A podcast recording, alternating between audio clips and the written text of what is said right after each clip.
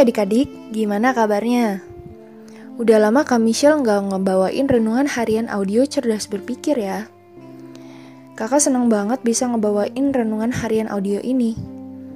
Kita masih ada dalam pembahasan mengenai kisah-kisah dan tokoh Alkitab ya. Semoga kita bisa belajar dari renungan ini supaya hidup kita bisa lebih baik. Adik-adik, hari ini Kak Michelle akan ngebawain renungan ya yang judulnya Gak Ceritain Kejelekan Orang. Kisahnya terdapat dalam Kejadian 9 ayat 18 sampai 29 ya. Adik-adik, beberapa waktu lamanya setelah air bah surut, Nuh menjadi petani dan membuat kebun anggur. Setelah ia minum anggur, mabuklah dia. Kebanyakan orang mabuk tuh gak bisa nguasain dirinya, bahkan gak sadar dengan apa yang dilakukannya. Begitu juga dengan Nuh. Bahkan ia sampai tidur dengan telanjang di dalam kemahnya. Soal Nuh yang mabuk, adik-adik jangan tiru ya. Bagaimanapun, tokoh-tokoh dalam Alkitab pasti punya kelemahan yang gak patut untuk kita tiru. Hanya Tuhan Yesus yang sempurna dalam segala hal. Kita lanjut ya. Ham salah satu anak Nuh pun melihat aurat ayahnya. Di dalam Alkitab, aurat bisa berarti ketelanjangan, bisa juga kemaluan atau alat kelamin. Ham bukannya menutup aurat ayahnya dengan kain, malah menceritakan hal memalukan tersebut kepada kedua saudaranya, Sem dan Yafet. Ngapain juga diceritain, tinggal tutup dengan kain kan beres. Saat Sem dan Yafet mendengar cerita Ham, mereka langsung membentangkan kain dan menyelimuti ayahnya.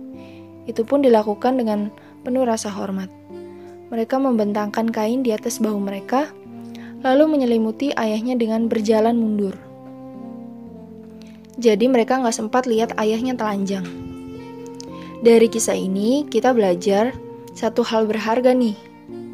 Kita nggak seharusnya dengan mudahnya menceritakan keburukan orang lain. Karena nggak semua kejelekan orang lain boleh kita beberkan apalagi kalau sampai mempermalukan dia. Lagi pula, cerita kejelekan orang lain itu sebenarnya nggak ada gunanya juga. Nggak mengubah orang tersebut, malah justru mempermalukannya. Kalau orang itu tahu kejelekannya diceritain. Daripada beber-beberin keburukan orang lain, ada dua pilihan sikap yang kayaknya jauh lebih tepat deh.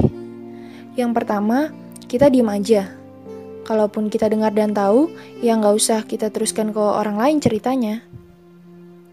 Yang kedua, kalau bisa sih, mendingan kita ngomong langsung ke orangnya, bahwa dia harus memperbaiki diri. Ya siapa tahu mereka emang nggak ngeh dan butuh dikasih tahu. Ada lagi nih yang perlu kami share kasih tahu. Misalnya adik-adik dulu pernah jadi teman dekat seseorang. Terus karena alasan tertentu jadi jauh gitu. Nah, kalian gak pantas ngebeber-beberin curhatannya ke orang lain. Biar bagaimanapun, dia pernah percayain curhatannya itu ke kalian. Amsal 25 ayat 9 bilang gini, Belalah perkaramu terhadap sesamamu, tetapi jangan buka rahasia orang lain. So, udah pada ngerti kan sampai sini? Eh, tapi Gak semua hal harus kita rahasiakan. Misalnya, kalian dilecehkan seseorang dengan menyentuh bagian tubuh kalian yang gak boleh disentuh. Atau pelecehan lainnya. Lalu orang itu bilang, awas ya jangan bilang siapa-siapa. Ya kalian harus ceritalah.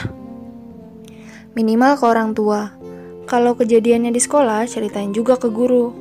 Pokoknya tindakan rahasia yang dilakukan orang lain yang akan merugikan orang lain atau diri sendiri demi kemanusiaan, jangan malah kita rahasiakan. Adukan kepada pihak yang berwajib, ya minimal orang tua atau orang dewasa yang terpercaya. Tidak dari yang kami shall sampaikan, keburukan dan kejelekan orang jangan kita beberin. Tapi kalau itu bisa merugikan atau membahayakan diri kita, ya adukanlah kepada pihak yang berwajib. Yang tadi kami shall bilang. Oke? Yuk kita berdoa. Tuhan terima kasih untuk renunganmu hari ini.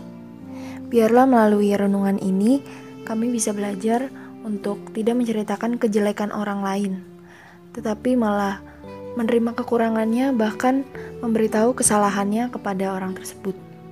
Terima kasih, Tuhan. Amin. Oke, tetap sehat, tetap semangat, dan tetap jadi berkat. Jangan lupa bahagia ya. Tuhan Yesus memberkati. Dadah.